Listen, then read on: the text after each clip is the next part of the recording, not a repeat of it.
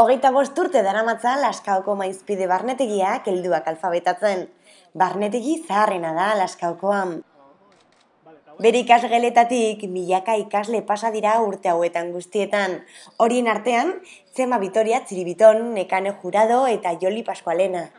Urte hurrenaren karietara, berriak hiru ikasle hoiak bildu ditu. Haiekin izan da Maialen Unanue, berriako kasetaria.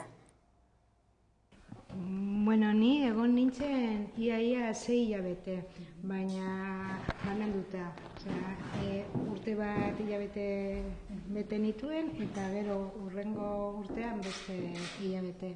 Eta nire bizitza islada bat zen. Bai e, lanean, bai zenidean, osea, eta hori oso oso oso ondo, baina grosegatik nahazten du e, gauza askorekin, osea, islada bezala. Oso polita esperientzia. Bueno, lehenengoa bi, jabete, bi, bi ustaian, larrogeitaz postean eta larrogeita zeian. Eta gero kurso 89-90, hon nintzen urrutik ustaiara, ustaiara, ustaiara jo. Eta Marian Zante zuzendaria, momentartan. Así igual lehenengo urtean igual. Eta, bueno, esperientzia oso da, beti, jo, beti goten naiz ondo. Ni, ni, beti esaten du, nire filosofia da, del coscorro de hoy, hoy bat. Qué bueno es si solo tienes eso. Eta ni ego- ego- egon nintzen oso guztua, oso guztua, ikasten, mamaz, eh, nola nola esaten da, nola esango dira, pues, mm, gogo bat betetzen ari zan, eta, bueno, oso, horrepen oso ona daukat. Lehenengo bi ustaian Pepitaren etxea, Jose Piren etxea, bezainen, eta gero hemen pelekin, eh, este Juan Josekin, egunero etxe egiten, eta txema ez da esaten egundoko, esto kristona esaten da, egundokoa kristona oso itxusia da. E, ni bakarrik egon naiz hilabete bat, hemen, asmoa nuen bueltatzeko e, jarraian edo gut- gutxienez maiatza, baina bueno, untsaioak izan ditudanez, ba, azkenean ezinezkoa izan da. Eta orain azterketan nagoenez, ba, bueno, zer gertatzen den, eta igual bueltatuko naiz. Eta et, elitzaidak importatuko berriro bueltatzea esperientziagatik, baina ez azterketa e, kontuagatik, eh? Osea, oso gustura egon nintzen hilabetea, gainera festa oso polit bat egin genuen e, urtearen bukaeran, egu, berri, egu berritakoa, ez? Eta, ba, gustora, gustora ibili nintzen. Arrazoi ezberdinak bultzatuta erabaki zuten maizpiden ikastea. Denek dute maizpiden bizitako esperientziaz oroitzapen polita.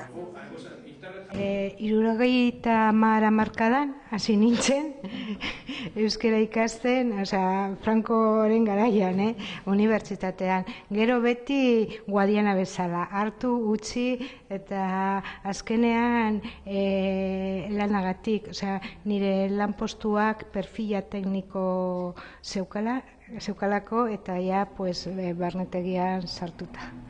Ni bilbotarra naiz, eta nire aita euskalduna zan, baina ama.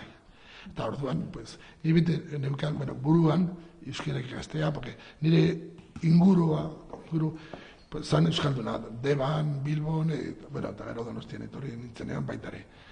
Eta beti neukan buruan ika, euskara ikastea, euskara ikastea. Eta Gero jaio zan e, alaba eta pentsatu ne, ah, momentu honetariko bat.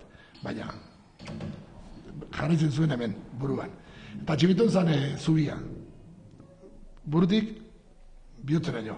Eta, eta, eta, zubia zan txiribiton eta piper mina edo espuela, ez dakit nola esan, zan mutil batek, bueno, eh, emak, este, gizon batek lagunak esan zidan. Txema, zuz beti zea ari naiztarra.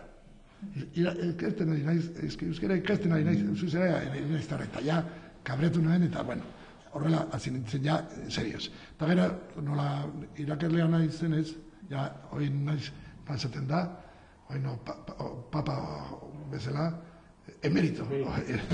Ja, pero, ora, irakarle naizen ez, pues, arrabatu nuen noa zan eh, proiektua ez dakit zan, eh, irale, irale bai. Eta horregatik, egon nintzen kurso batean. Hemen eta oso guzta. Eta gero, bueno, ni, zu esan dezu oso lotxa, lotxatia zarela, o, o ez dakit zu edo, ni lotxa ez da, nire iztegien ez dago lotxa, lotxarik.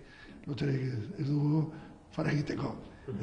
Entor, orduan, pues, lotxa ez, ni lotxagabea naiz eta, bueno, otgeizki ondo, baina etxe egiten du, etengabe. Bakarri, mutan naizen, naizenean, kobratzen dudanean, bai, bestele, besterik ez.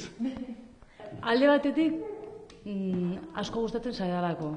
E, amalau urte nituela hasi nintzen ikasten, e, baina hasita gutxi, hasita gutxi horrela egon naiz urte desente. Gero ja lanerako, bueno, hasi nintzen lan egiten euskeraz, antzerki musikaletan, Golden Apple Kuartekoen antzerki musikaletan.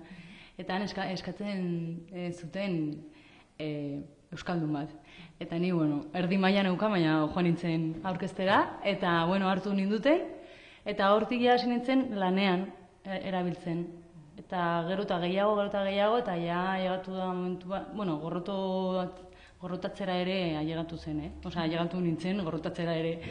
Baina nik uste dut erdi prozesuan. Ze, igual uste dutzu asko dakizula, momentu batean, eta bat batean ikusten duzu zenbat geratzen zaizun oraindik eta momentu horretan jo eta gero lotxa ematen dizu hitz egiteak eta ba orduan ja pizkanaka pizkanaka ea erronka hori guztiak ja gaindituta orain egia esan asko maite du euskera euskaldun kultura gure kultura azken finean da eta ni txikitatik ezin nuen ez ba ba euskararen kulturatik bizi, ba, orain gutxienez, ba, ja, ja sartuta nago, ja, Euskalduna naiz, eta nago.